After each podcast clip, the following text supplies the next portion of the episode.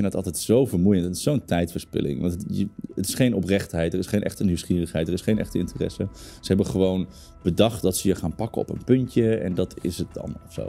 Eh, ik doe daar zelf eigenlijk niet aan mee. Ik vind dat altijd heel flauw. Hartelijk welkom bij Café Weltsmerts, waar wij in de aanloop naar de Tweede Kamerverkiezingen van 22 november aanstaande de kandidaten en de verschillende politieke partijen graag de kans geven om zichzelf te presenteren en vooral om uit te leggen waarom je op hen moet stemmen. En vandaag bij mij te gast is Freek Jansen van Forum voor Democratie. Hartelijk welkom. Dankjewel. Ik vind het leuk dat je er bent.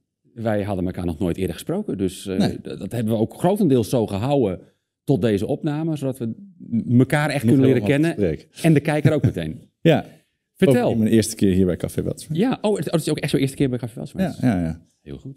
Hey, zoals ik al zei, ehm, eh, het is ook goed voor de kijkers om te weten. eh, het wordt geen vlammend interview waarbij ik je alle NPO eh, steeds de, de, de mond ga snoeren. ehm, of je het heel moeilijk gaat maken. Het is echt het idee dat we de kijker kennis laten maken met Freek Jansen. En, ehm, en, en, en, wat jou beweegt als mens, maar ook wat er heeft toegeleid dat je bij Forum bent gekomen. Dus begin eens te vertellen, wie ben jij?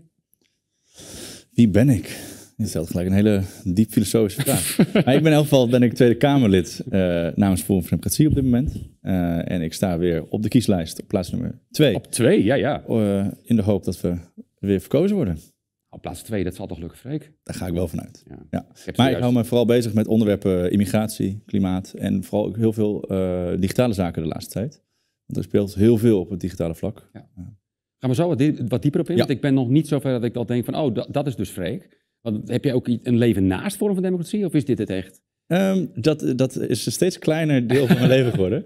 Maar ehm, wat ik daarnaast nog doe, ik ga veel naar de sportschool, dat vind ik leuk.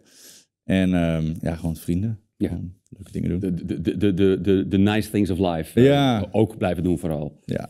Hey, ergens in het eh, recente verleden besloot jij dat Forum van Democratie jouw clubje was. Wat, wat, wat was dat moment? Waarom was dat? Eh, dat was in 2016, dus dat was voordat eh, we de partij eigenlijk hadden opgericht. Eh, toen leerde ik Thierry kennen. En eh, ik kende hem toen een beetje van tv en dat soort dingen deed hij in die tijd. En ik was erg enthousiast. En eh, ja, toen hebben we samen de partij opgericht. Maar wacht even, 2016. Eh, jij bent een jonge jongen. Jij bent uit 92. Dat klopt. Dus ik ben even heel hard aan jonger dan ik nu Ja, ja, dat snap ik. Eh, maar toen was jij dus al politiek eh, georiënteerd. Ja, ik heb ook politicologie gestudeerd. Ja. Eh, dus ik ben altijd wel met politiek bezig geweest. Eigenlijk nooit, ook tijdens mijn studie dacht ik, ja, ik ga hier niks mee doen. Ehm, ik wilde eigenlijk programmeur worden. ik, vind het wel heel, ik vind het heel mooi dat je dat zegt, dat je tijdens je studie al dacht, ook ga je niks mee doen. Ja, toen gebeurde het toch? Ja. Maar dat je niet dan denkt, ook ga wat anders studeren. Ja, dat heb ik ook echt wel overwogen. Maar ik vind het dan ook wat om zo halverwege af te haken, dat, dat was niks voor mij. nee, nee. Dus, en ik dacht, En, ja, en maar goed ook, want uiteindelijk is dus het cirkeltje rond. Ja. Ja. uiteindelijk wel. Maar goed, je leerde Thierry kennen als mens. Eh, Ja, ook. En, en ergens is er ook toen in, in jullie eh, een soort wederzijdse klik ontstaan in wat jullie denken over de wereld, de, de, de toekomst Ja. van Nederland. Ja, dat, dat, dat was de aanleiding, want ik kende hem eh, van tv. In die tijd deed hij veel over. Met Poont zat hij dan als, als uh, tafel. Klopt, ja, met Erik de Vlieger volgens mij. Dat zou ook nog wel kunnen. Ja. Ehm, maar eh, dus daar kende ik hem van. En Ik was dat dan- vergeten, dankjewel voor de reminder. Ja, en eh, toen had hij een event of zo en daar, daar was ik toen heen gekomen. Eh, en daar heb ik hem leren kennen. Dus het was al op basis van politieke standpunten dat we elkaar eh, vonden. Ja. En eh, daarom vond ik het ook leuk om betrokken te raken bij Forum. En nou komt de hamvraag. Vind je het ook leuk om in die gekke Tweede Kamer te zitten? nee, ik vind het niet leuk. Oké, Nee. dat is een heel eerlijk antwoord. Dat had ik niet verwacht dat je dat zou zeggen. Want je staat toch op, op plek 2, dus de kans dat je er weer in komt is aanzienlijk. Ja, maar we doen het ook niet omdat we het leuk vinden. We doen het omdat we denken dat het nodig is. Ja. En eh, dat het belangrijk is dat we dat doen. Maar leuk is anders. Ehm, er zijn heel veel leukere dingen te bedenken dan eh 16 uur lang luisteren naar... Weet ik veel wat al die mensen de hele dag Ja, vertellen. ik, ik, je zegt 16 uur lang, ik, ik zie gelijk de algemene beschouwingen voor me. gewoon- Ja, nou, 16 uur is wel heel overdreven hoor. Maar het, het is voorgekomen dat het... Mijn langste debat heeft denk ik wel zoiets geduurd. Ja. 13 uur of zo. Zo'n soort... Belachelijk. Onze gemiddelde werkdag, zeg maar, hier Ja, Met. maar dan Ja. zit je daar. Het is, heel, het is heel moeilijk voor te stellen voor mensen. Maar je, je zit daar en je, ja, je kan af en toe een vraag stellen. Je mag ook niet oneindig veel vragen stellen. Nee. Dus je bent vooral aan het wachten. En dat is ontzettend geestdodend. Ja. Ehm, ja, en toch moet je proberen een beetje je kop erbij te houden, lijkt me. Want Ja. 16 uur lang wordt er door iemand gesproken. Nou, en er kan wel iets gebeuren waar je op moet reageren. Dus je kan ook niet volledig gaan uittunen. Nee, het is een hele rare setting om in te zitten. Je zei iets interessants. Eh, dat, dat, jij zegt, je hebt niet onbeperkt de ruimte om vragen te stellen of te interrumperen. eh, Nee. Dat vind ik een interessant punt, want dit is de afgelopen jaren, of decennia moet ik misschien zeggen. Ik, ik volg ook al heel lang de politiek. Niet omdat ik het leuk vind, maar met, met, met ik, gepaste verbazing kijk ik wat er in zo'n eh, politieke arena gebeurt. Ja. Maar ik heb ook de afgelopen decennia een hele rare ontwikkeling gezien, waarbij eigenlijk, eh, ik bedoel, de oppositie is in feite al monddood, dankzij het merkwaardig proces van formeren. Ja. Ehm, maar de, de spelregels zijn ook nog eens een keer zo aangepast dat je ook nog maar heel beperkt mag interrumperen. Het verschilt heel sterk per debat. en, de- en wie de voorzitter is misschien. Ook, maar ik snap wel dat ze daar grenzen aan stellen. Want ik heb ook bij debatten gezeten, dan komt met, met de GroenLinksers en al die lui, en die gaan maar door over allemaal van die kleine neuzeldingetjes. Eh, ik snap, en op een gegeven moment denk ik ook van, nou, nu is het ook wel weer genoeg geweest. Dus ik snap best wel dat er regels bestaan. Hmm. En het is ook belangrijk dat, dat ze bestaan. Maar vaak bij de belangrijke debatten, dan heb je, eh, mag je twee vragen stellen. Of, eh, Ja. En is het, dan een, is het dan een idee dat we de- aan de regel je mag twee vragen stellen, dat we dan ook afspreken dat degene aan wie de vraag gesteld wordt antwoord moet geven? Ja, maar dat kan niet. Je kan niet iemand verplichten iets te zeggen. Dus Nee. eh, ieder Kamerlid is vrij om te zeggen wat hij wil. En dat is... eh, Maar dan is wel, hup, één interruptie geweest. ja, En heb je geen antwoord gehad. Dat klopt. En dat vind ik een heel merkwaardig fenomeen. Maar goed, dat kun jij niet veranderen. Maar Nee, en dat moeten we ook niet veranderen. Ik vind het ook, het is super frustrerend. Ja. Want, en daarom eh, is het ook vaak, voelt het zo zinloos dat je naar zo'n interruptiemicrofoon gaat. Want dan denk je, oké, nou, dan gaat hij er een beetje omheen lullen en dan is het weer klaar. Eh, maar soms kun je ze wel echt wel te pakken krijgen met iets.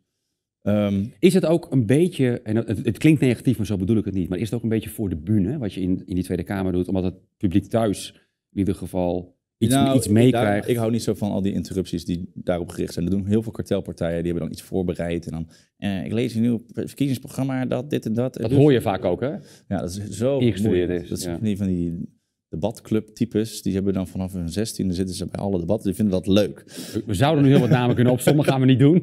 Nee, maar die, die, ja, die vinden dat leuk om te doen. En ik vind dat altijd zo vermoeiend. Het is zo'n tijdverspilling. Want het is geen oprechtheid, er is geen echte nieuwsgierigheid, er is geen echte interesse. Ze hebben gewoon bedacht dat ze je gaan pakken op een puntje en dat is het dan of zo. Eh, ik doe daar zelf eigenlijk niet aan mee. Ik vind dat altijd heel flauw. Dus als ik, een, als ik een vraag stel, dan wil ik ook echt het antwoord weten. Ja. Ehm, eh, dus heel veel interrupties. Die komen, die, ze zeggen altijd dat wij alles voor filmpjes doen, maar dat is helemaal niet zo. Dus heel veel interrupties, dan ben ik gewoon benieuwd. Hoe zit het dan? En wat vind je dan hiervan?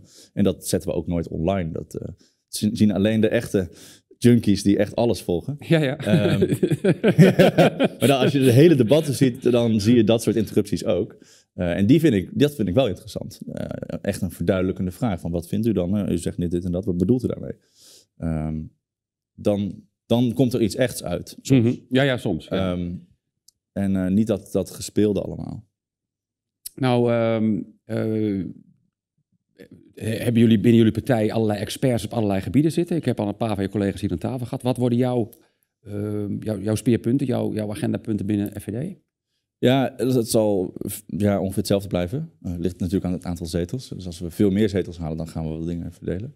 Je noemde net heel specifiek al even de digitaal. eh, hop. Ja, daar wil ik me eigenlijk veel meer mee gaan bezighouden. Ehm ik heb me vooral heel veel bezig gehouden met immigratie en met klimaat. Eh, en dat blijf ik ook wel doen. Alleen die thema's die zitten heel erg vastgeroest. Ja. Dus eigenlijk alle partijen vinden al wat ze vinden. Eh, en het gaat door op de manier waarop het doorgaat. En het is goed dat we ons er tegen blijven verzetten. En dat, dat zullen we ook echt wel blijven doen. Maar wat ik merk bij die digitale onderwerpen... is dat het allemaal nieuw is. En dat heel veel van de Kamerleden van kartelpartijen... er ook heel relatief in ieder geval open in staan. Dus dat ze, ze hebben er eh, eh, vaak niet heel veel verstand van. Dus ze staan ook echt open voor argumenten en voor, eh, voor, voor technische kennis. Ehm, en eh, de wetgeving is allemaal nieuw. Dus er is heel veel positiebepaling. En ik merk dat, er best wel ontvankelijk, dat ze best wel ontvankelijk zijn voor eh, onze visie daarop. Eh, bijvoorbeeld nu met client-side scanning. Daar is zelfs D66, een partij die wij niet zo heel vaak aan onze eh, zijde vinden, eh, heel erg tegen geweest. En, eh, dat Heel kort toelichten, client-side scanning. Ja. Niet iedereen zal het weten, maar het is een voorstel wat met name bedoeld is om eh, end-to-end encryption te omzeilen. Waarbij overheden en big tech bedrijven de mogelijkheid krijgen om op je apparaat, dus pre-encryptie of post-encryptie, ja, als ik de zender ben, voordat ik eigenlijk, wat ik op mijn scherm zie en wat jij op je scherm ziet, Ja. Dat zien de big tech partijen ook. En Ja, kunnen dat zo zien dat je, je hebt briefgeheim, maar er staat een camera op je bureau. Ja. En dan kijken we alvast wat je schrijft. En Ja. we openen de envelop niet. Nee. Maar we weten wel of je al wat, wat je al hebt geschreven voordat je die envelop ingaat. En als ik thuis de brief openmaak, heb ik ook weer een camera die meekijkt om te zien wat ik lees. Maar we weten niet wat er in de envelop zit. En dat doen we dan zogenaamd eh, om allerlei eh, narigheden te, te, te voorkomen of in ieder geval te onderscheppen, zoals kindermisbruik of kinderporno, Ja, haatzaaien, eh, Nou, dat is- misinformatie. dat stadium hebben we gelukkig nog niet bereikt. Eh, maar de Europese Commissie wil dit inderdaad, deze techniek toepassen om eh, de verspreiding van kinderporno tegen te gaan. Ik, ik, inderdaad, ik gooi twee dingen op een hoop. Want Microsoft heeft vorige maand zijn nieuwe, nieuwe servicevoorwaarden. Dat service is een merkwaardig woord in deze. Ja. Daar staat letterlijk in dat ze meekijken met wat je doet. En als, als, als zij haatzaaien of misinformatie menen te zien, dan kan je account opgeschort worden. Oh ja? ja, het is heel merkwaardig. Oh, daar ga ik Ga ik je nog eens over bijpraten. Ja, heel graag. Ja. Maar dat is, de Europese Commissie beperkt zich nu tot een hele specifieke vorm van criminaliteit. En die we allemaal verwerpelijk vinden. En daarom dan hopen ze natuurlijk dat iedereen zegt: oké, laten we dit dan maar doen. Want dit vinden we allemaal zo erg. Ja. Eh, maar dat is een eerste stap, waarschijnlijk. Want zo gaat het altijd met de Europese Unie en met heel veel andere wetgeving. Dan, krijg je, dan moeten we ook drugscriminaliteit opsporen. Ja. Dat zijn we toch ook allemaal tegen. En we zijn toch ook allemaal tegen mensenhandel. En, ook allemaal, en er komen er steeds nieuwe dingen bij. Totdat ze het punt bereiken dat iedereen zo gewend is aan de techniek. Dat ze zeggen, ja, maar we moeten ook eh, haat moeten we tegen. Ja. En dat, dat is mijn angst daarmee. En daar waarschuwen ook alle experts voor. Als de techniek eenmaal staat, dan kun je het gewoon met een klik op de knop uitbreiden naar alles. Nou, dat, dat is met name mijn zorg. Eh, want parallel aan die client-side scanning agenda heb je natuurlijk ook de CBDC's. Eh, we weten al dat eh, banken zijn er al mee begonnen. Die eh, vertellen je ongevraagd wat je CO2-footprint is. Ja. En als je dat in elkaar gaat harken, dan is die social credit score met het wel of niet toegang krijgen tot je digitale muntjes om je boodschapjes te doen, ligt volgens mij om de hoek. Ja. Ben ik dan een, een complotdenker en heb ik een aluminium hoedje nodig of valt dat wel mee? Ehm, de techniek maakt het mogelijk. Ja. Ja, dus absoluut is het straks mogelijk om dit te doen. Vraag is of het echt gaat gebeuren.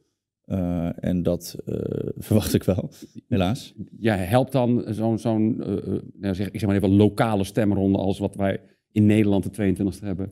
Ja, dat helpt zeker. En dat is wat ik ook bedoel met, dus met die digitale onderwerpen. Er is echt wel heel veel kritiek op. Ook bijvoorbeeld met de ontwikkeling van de digital ID. Ja. Er zijn ook door kartelpartijen, bijvoorbeeld de ChristenUnie, maar ook van de SP, komt er heel veel kritiek. En ze gaan misschien niet zo... Kijk, zij, zij kijken altijd naar incidenten. Dus zij zien dan dat er iets gaande is en daar zijn ze dan voor of tegen. Maar waar zij niet zo goed in zijn, is die patronen zien. Dus Mhm. precies wat jij schetst, er is een pad mogelijk naar Ja. totale controle. En dan zeggen ze, ja, maar dat is niet het voorstel. Nee, dat is natuurlijk niet het voorstel, maar het is wel mogelijk Ja. en het komt eh, waarschijnlijk in de toekomst. En dus eh, zij zijn op dit soort onderwerpen best wel eh, een goede partner. Heel veel partijen zijn hier best wel scherp op. Eh, maar dat is dan op incidenteel niveau. Dus bijvoorbeeld in de ontwikkeling van de digital identity is er een motie van de ChristenUnie aangenomen om te- ervoor te zorgen dat er geen digitale BSN komt. Ja. Wel, Een Europese BSN bedoel ik. Dus nou, prima, daar zijn wij ook tegen. Fijn dat zij dat doen, want als wij die motie indienen, dan stemmen ze hem allemaal weg. Dus wat dat betreft is het goed dat zij Omdat noem ik het. Ja. Ja, helaas is dat nou eenmaal zo. Ehm, maar zij snappen dan niet dat, oké, als de minister kan nog steeds naar zich neerleggen, dat gebeurt ook regelmatig. Maar dus dan wordt er gezegd, oké, we gaan geen Europese BSN oprichten. Maar dan gaan ze wel weer een andere route verzinnen om eigenlijk effectief hetzelfde te doen, zoals dat met heel veel Europese projecten is gegaan. Eh, en dat zien ze dan niet. Dus ze zien niet de patronen. Ze zien alleen wat er op dit moment gebeurt. Eh, maar daar is wel heel veel, eh, heel veel overeenstemming in. Dat we heel erg wel om moeten passen met het optuigen van digitale surveillance eh, mechanismen. Vraag je, Freek. Jij zegt dat zien ze niet. Eh, ik hoor veel mensen in mijn omgeving die, eh, die no- nog, nog veel dieper in de materie graven dan ik. En die zeggen, ja maar wacht eens even, dit is niet alleen iets wat in Europa gebeurt. Dit gebeurt ook in, de, Australië, in, in Canada, Amerika. De, de, de, zijn zo groot. En, en de wetten hebben een andere naam, maar ze doen precies hetzelfde. En zij zeggen tegen mij van, nee, nee, dit is echt een globale agenda. En al die politieke partijen die dingen zogenaamd niet zien, dat is eh, volledig geïnfiltreerd door het WEF. Zijn zij dan eh, doorgeslagen of zou daar een grond van Ehm, waarheid in kunnen zitten? Eh, dan, ja, dan moet je de vraag wat nauwer stellen. Want je hebt heel veel verschillende dingen nu gevraagd. Ja, nee, ja, de vraag is eigenlijk. Jij zegt er zijn dan politieke partijen die, die, die stemmen met ons mee voor een bepaalde motie. Of daar kunnen we goed mee samenwerken. Maar op Ja. andere vlakken zien ze dingen niet. Nou, op hetzelfde vlak zien ze de toekomst daarvan niet. Ja. En, en, en ik denk dan, zien ze het niet? Of is het een strategie dat je zegt van nou, we buigen even op onderwerpje A, buigen we mee, want op de rest doen we toch niet mee. En dan is het gedoemd te mislukken. Ik denk dat er heel veel... Ben ik te volgen overigens? Want Ja, nee, ik zit na te in mijn hoofd is het heel helder, maar ik vind het heel lastig over te brengen wat ik bedoel. Nee, ik zit na te denken. Kijk, als ik gewoon aan die Kamerleden denk, dan denk ik dat zij oprecht zijn. Eh, ik denk niet dat, zij gestuurd worden door een Niet gekocht, organisatie. zeg maar, ik, ik vaak dat, hoor. dat denk ik zeker niet. Dat, eh, ik denk niet dat er mensen gekocht zijn. Ehm, ik denk wel dat ze dezelfde ideologie delen. Ik denk dat ze allemaal hetzelfde belangrijk vinden. En daar is de- wel degelijk inderdaad op internationaal niveau, wordt er, eh, zeker in dat soort kringen, wordt er heel erg op dezelfde manier nagedacht. Eh, zij vinden het allemaal belangrijk dat we het klimaat moeten redden. Ze vinden het allemaal belangrijk dat we inclusief moeten zijn. En eh, racisme, discriminatie, bla bla bla, allemaal eng en gevaarlijk. En dus immigratie moet allemaal. Dus dat vinden ze allemaal, vinden ze allemaal hetzelfde. Ehm, ook over digitale onderwerpen. We zitten nou eenmaal in een digitale wereld. Ja, ja. Dat is ook hoe de, Euro- de, de Europese Unie de digitale munt nu aan het verkopen is. Ja, de, de wereld wordt digitaal, dus de euro ook. Ja. Punt. Dat is het argument. En dus En wat je daarmee zegt is dan eigenlijk dat ze dus weigeren te kijken naar de feiten. Dat je, zoals zo'n boek van, eh van Liederwij... eh, Nee, ze zijn het gewoon echt niet met ons eens. Ja, ook over feiten. Ja, dus, nou, daar zit denk ik wel meer nog weer achter. Kijk, zij hebben hun eigen experts. Zij, er is een soort... En die verzinnen een andere waarheid. Hoe werkt dat dan? Ja, nou, er is een... Het is denk ik heel erg deel van onze tijdsgeest dat wij, en zeker in onze politiek, onze mening heel sterk afhankelijk laten zijn van experts. Ja. Ehm, en dat is een algemene trend. Het idee van de wetenschap als neutrale arbiter in het vaststellen van de waarheid Ja. is iets waar niet aan getwijfeld dient te worden. Dat is een groot maatschappelijk taboe. Terwijl binnen de wetenschap veel problemen zijn eh, in het vaststellen van waarheid, überhaupt. Eh, maar al helemaal in onze tijd is de academia, die zijn echt in mijn ogen in zwaar verval. Ja. Ehm, dus, Nou ja, dat hebben we de laatste 3,5 jaar, met, eigenlijk met ingang van 3,5 jaar, werd het ook echt een narratief. Hè? We, we luisteren naar de is experts, we luisteren naar de... Is dat, was dat ervoor ook al, ja? ja, ik Het denk is dat mij pas een opvalling van in de het, is ook, COVID-tijd. het is ook een manier om democratische eh, afrekenbaarheid weg te schuiven. Dat is ook een, een trend in de politiek. Dus we stuigen een commissie op en die komt met een advies. En dat moeten we nou eenmaal opvolgen. Want Ja, dat. Dus je Dan kun je de verantwoordelijkheid daar neerleggen. Precies, ze Ja. zijn niet meer afrekenbaar. En het is, eh, dat zijn allemaal mechanismen die hier een rol in spelen. En ze willen zich dus niet branden aan het hebben van een mening. Want daar kun je op afgerekend worden, daar kun je voor weggestemd worden. Eh, maar we, eh, dat zijn eenmaal wat experts zeggen. En dat is in corona ook heel veel gebeurd. Dat die experts, die hadden, de experts tussen aanhalingstekens, de juiste experts, die hadden allemaal dezelfde mening. En zij zeggen, ja, dat hebben wij niet bedacht, zijn de experts. Klaar. En het is een heel makkelijk schild om je achter te verschuilen. En Ja. het is ook op psychologisch niveau is dat denk ik voor hen een aantrekkelijke manier van redeneren. Eh, omdat ze zichzelf niet, ze hoeven geen eigen mening te vormen. Ja. Eh, dus dit zijn allemaal dingen die daarmee samenhangen. En dan dus de vraag of er sturing echt nodig is wat dat betreft, dat geloof ik helemaal niet. Ze, geloven al hetzelfde, ze maken zich afhankelijk van experts. En wel op dat expertniveau is natuurlijk wel veel sturing. Ehm, eh, in de academia, je, je, je gaat niet eens meer promoveren als je niet de juiste mening hebt. Nee, maar dat is, dus de uitkomst staat eigenlijk al vast. Je moet alleen nog bedenken hoe je bij die uitkomst komt. Is dat een beetje Nou, hoe, dat de wetenschap tegenwoordig werkt? Nou, dat wil ik ook weer niet zeggen. Ehm, nee, wat ik bedoel is dat in de universiteiten is ook weer...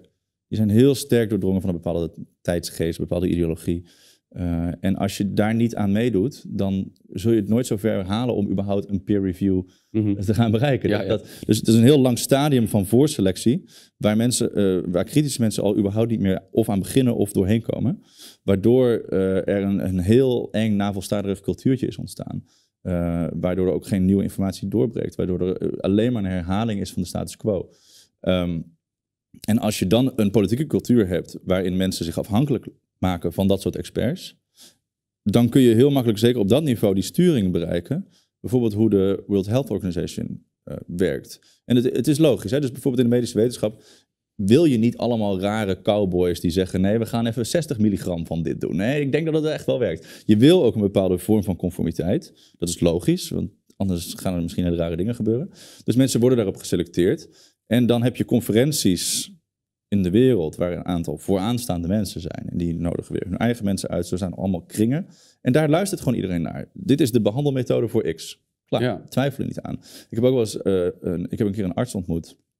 Dat is heel interessant. Die heeft de eh, behandelmethode voor eh, diabetes ontwikkeld. En die is de naam in de wereld, een Nederlandse arts, uh, de naam in de wereld uh, voor dat onderwerp, omdat hij dat heeft bedacht in de jaren tachtig en weet ik veel. En iedereen luistert naar hem. En als hij morgen besluit, oké, okay, we doen het anders. We doen het anders. Dan volgt iedereen gewoon. Ja, ik snap wat je en zegt. dat zijn dan Ja. die experts. En dan denken de politici, die denken, nou die mensen hebben gestudeerd, die zullen het wel weten. Klaar. En zo zijn er allemaal van dat soort processen die heel erg op het interpersoonlijke niveau werken.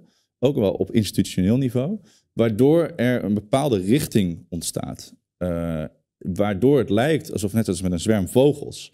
Alsof er één vogel zegt, we gaan daarheen vliegen. Maar uiteindelijk beïnvloeden ze allemaal elkaar. En dat maakt het heel moeilijk om jouw vraag te beantwoorden. Want, want is er ergens één machtspunt? Mhm. Dat denk ik niet. Er zijn heel veel machtspunten. En er zijn echt wel mensen die ideeën hebben over waar het heen hoort te gaan. En die zitten daar te duwen en daar te duwen. En die proberen het ook als los zand een richting in te duwen. En dat gaat denk ik redelijk goed. We zijn best wel in een bepaalde trend geraakt de laatste 70 jaar. Um, maar om te zeggen, dat is hem, dat kan niet. Nee, je, je, had mij gezegd dat je, in, dat je je wilde bezighouden met, met, met de digitale aspecten uh, in, van deze tijd. We hebben Ja. nu even een zijstapje gemaakt. We waren bij client-side scanning uh, gebleven. Uh, zijn hebben we ook andere digitale, we hebben het even over de CBDC gehad. Zijn we daarmee, hebben we daarmee die digitale agenda benoemd? Nou, het zal blijven, dus er blijven nieuwe dingen komen. Bijvoorbeeld, we hebben nu ook AI, dat sterker in de Ja. toekomst is. Daar wil men ook veel wetgeving voor gaan maken. Um, er komt ook een AI-verdrag of iets dergelijks waar iedereen zich aan moet gaan houden. Het is nog heel vaag wat daarin komt te staan, want niemand precies, weet precies wat de effecten maatschappelijk gaan zijn. Uh, maar wat je ziet is dat de politiek reageert gewoon op technologische ontwikkeling. Um, dus als het gaat over censuur, ja, ze vinden het internet, het vrije internet, wordt gezien als een probleem. Ja, Um, ik denk dat de verkiezing van Donald Trump en de Brexit, de succesvolle Brexit-campagne, hebben voor veel linkse mensen een soort besefmoment gecreëerd van wow, dit internet is gevaarlijk. ja. Als mensen vrije toegang hebben tot informatie, dan doen ze de verkeerde dingen. ogen. precies. ja. Uh, en zij, zij zullen dat anders verwoorden. Zij zullen zeggen, ja, mensen hebben des, beïnvloed door desinformatie en Ja. dat. Maar waar het in feite op neerkomt, is dat mensen hebben vrije toegang tot informatie en dan besluiten ze iets. Um, en uh, nou, daarom hebben we D66 ook gelijk het referendum natuurlijk afgeschaft toen het verkeerde uitslag gaf Ja. in Nederland. Dat, was, dat was redelijk doorzichtig. Ja. Dat, Ja. De timing was, was merkwaardig. Ja, als het, als Ja. het andersom was geweest, was het zeker niet Nee, nee. Maar, Maar goed, dus- ook dan is er wel een inlegvelletje of iets dergelijks. Dus ook voor referendum blijkt. Nee, maar toch, het gaf wel iets aan. Maar in elk geval, wat ik denk wat er is gebeurd in de wereld, uh, in verschillende landen, uh, in de Europese Unie, in Amerika, in uh, Zo'n wake-up call geweest voor zo'n wake-up call. ja. Dus het internet is gevaarlijk in hun ogen en we moeten dat inperken. Want zij zijn echt van overtuigd, en dat merkte ik ook bij. ehm, er was een debat in de, in, de, in de Tweede Kamer over de Digital Services Act. En dat gaat ook over het bestrijden van desinformatie. Nou, al die processen zijn opgestart in de jaren na de overwinning van Trump. Dat is allemaal 17, 18 geweest. Ehm, maar dat er dan gesproken wordt over dus, eh, dat, er, dat je op YouTube bijvoorbeeld via die suggesties aan de zijkant, dan kun je een soort tunnel in worden getrokken van desinformatie en ehm, extremistische content die zou worden gepromoot door die, door die platforms, want dat zou dan watchtime opleveren. En dat is wat ze willen, dus willen die mensen online houden. En daardoor zouden dus die platforms zouden er belang bij hebben dat het vol staat met extremistische content. En daarom moet de Europese Unie ingrijpen, et cetera. Dat geloofden zij. En toen vroeg ik, zeg ik, maar is het niet zo dat mensen dit gewoon willen zien? En dat het daarom views krijgt en dat het daarom als suggestie ernaast staat. Is dit niet gewoon wat mensen willen zien? En dan los van het, de kwalificatie extremistisch. Um, en zei ze, nee, nee, nee, dat is echt niet zo. Dat wisten ze. Ze wisten dat eigenlijk willen mensen... Dat was uitgezocht of zo. Nou, dat was uitgesloten in elk geval. ja. En uh, dus eigenlijk willen mensen gewoon het D66-partijprogramma zien. Maar ze worden misleid door Big Tech om uh, het FVD-programma te willen zien. Dus, Ja, ja. En dat wat zij echt geloven. En dus zij denken dan, als mensen maar geen desinformatie zien, dan zijn het brave burgers die allemaal voor de LGBT zijn en die allemaal klimaatneutraal willen leven. En zij geloven echt dat mensen zijn misleid. ja. Maar dat, dat, dat, en daar hebben ze gelijk in, gek Ze hebben op een andere manier er gelijk Ja. in, want mensen zijn misleid, maar dat komt door hun eigen media. Ja, ja, ja, ja, interessant eigenlijk. Hè? De, Ja. de menselijke geest is wat dat betreft behoorlijk ondergrondelijk, hè Freek? Nou ja, maar als je mensen dus toegang geeft tot vrije informatie dan, en tot eigen oordeelsvorming, Ja. dan komen ze bij normale besluiten. Nou ja, ik denk dat dat voor, voor onze achterban voor een heel groot deel geldt. Dat zijn, Ja. dat zijn mensen die ergens op afslag hebben genomen van wacht eens even, er is meer dan alleen eh, de publieke omroep. Eh, en dan kom je bij de Weltsmetsen en anderen van deze wereld, maar ook de Twitters en de, eh, de, de weet ik het. Ja. En Lange tijd ook gewoon YouTube. Eh, ja, uh, lang tijd YouTube. En, en uh, de, de, grap is dat je hoeft er helemaal geen jaren je best voor te doen. Als je een paar weken eens even de andere kant op kijkt, Ja. gaat er een wereld voor je open. Ja, en dat, en dat geldt ook voor de verspreiding van content. Dus wij zien bijvoorbeeld dat onze video's. Wij zijn, wij vroeger, vroeger, toen het internet nog relatief vrij was, Mhm. halen wij miljoenen bereiken per week op Facebook. Want Facebook censureerde niks, eh, in principe. Behalve als je echt extreme dingen deed Ja. met geweld en dat eh, prima. Maar dat, eh, wij hadden gewoon onze politieke filmpjes en die bereikten heel veel mensen, want mensen wilden dat zien. Dat is het enige waar dat algoritme op selecteert. Wat wil iemand zien, dan krijgt hij dat Ja. klaar. En toen zijn we, hebben we een zware shadowban gekregen. Hebben we het hele bereik afgesneden. Op YouTube hebben we ook een, soort van quasi-shadowban. Eh, Ons bereik is een stuk lager dan heel even kort wat een shadowban is. Oh ja. niet, niet iedereen gaat het weten. een shadowban is als je dus niet, je, wordt, je account wordt niet verbannen, maar mensen krijgen gewoon jouw filmpjes niet meer te zien. Ja. En als, als contentmaker heb je niet eens in de gaten dat er iets veranderd is. Nee. Behalve dan dat je cijfers ineens wii, naar beneden donderen. Ja, Want als kijker krijg je niet meer proactief aangeboden wat die onderdrukt. Precies, ja. Ja, en dat is eh, met onze accounts eh, zwaar gebeurd. En er is een nieuw platform natuurlijk, TikTok.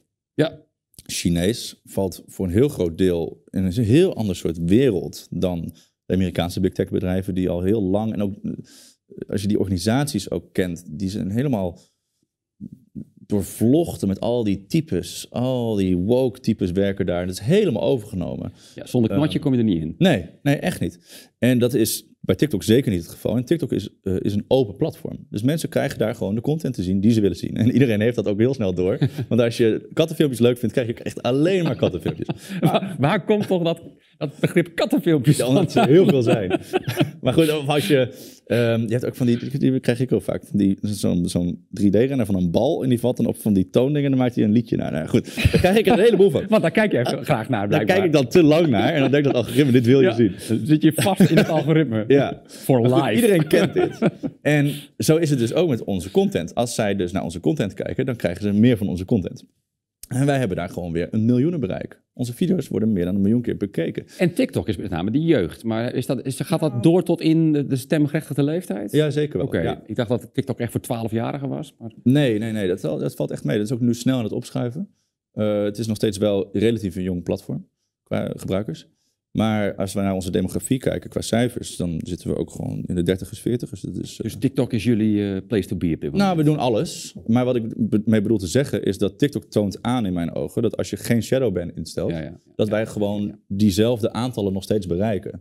Eh, die mensen zijn er nog en ze hebben het gewoon niet mogen zien jarenlang. En dat komt door de censuur op andere platforms.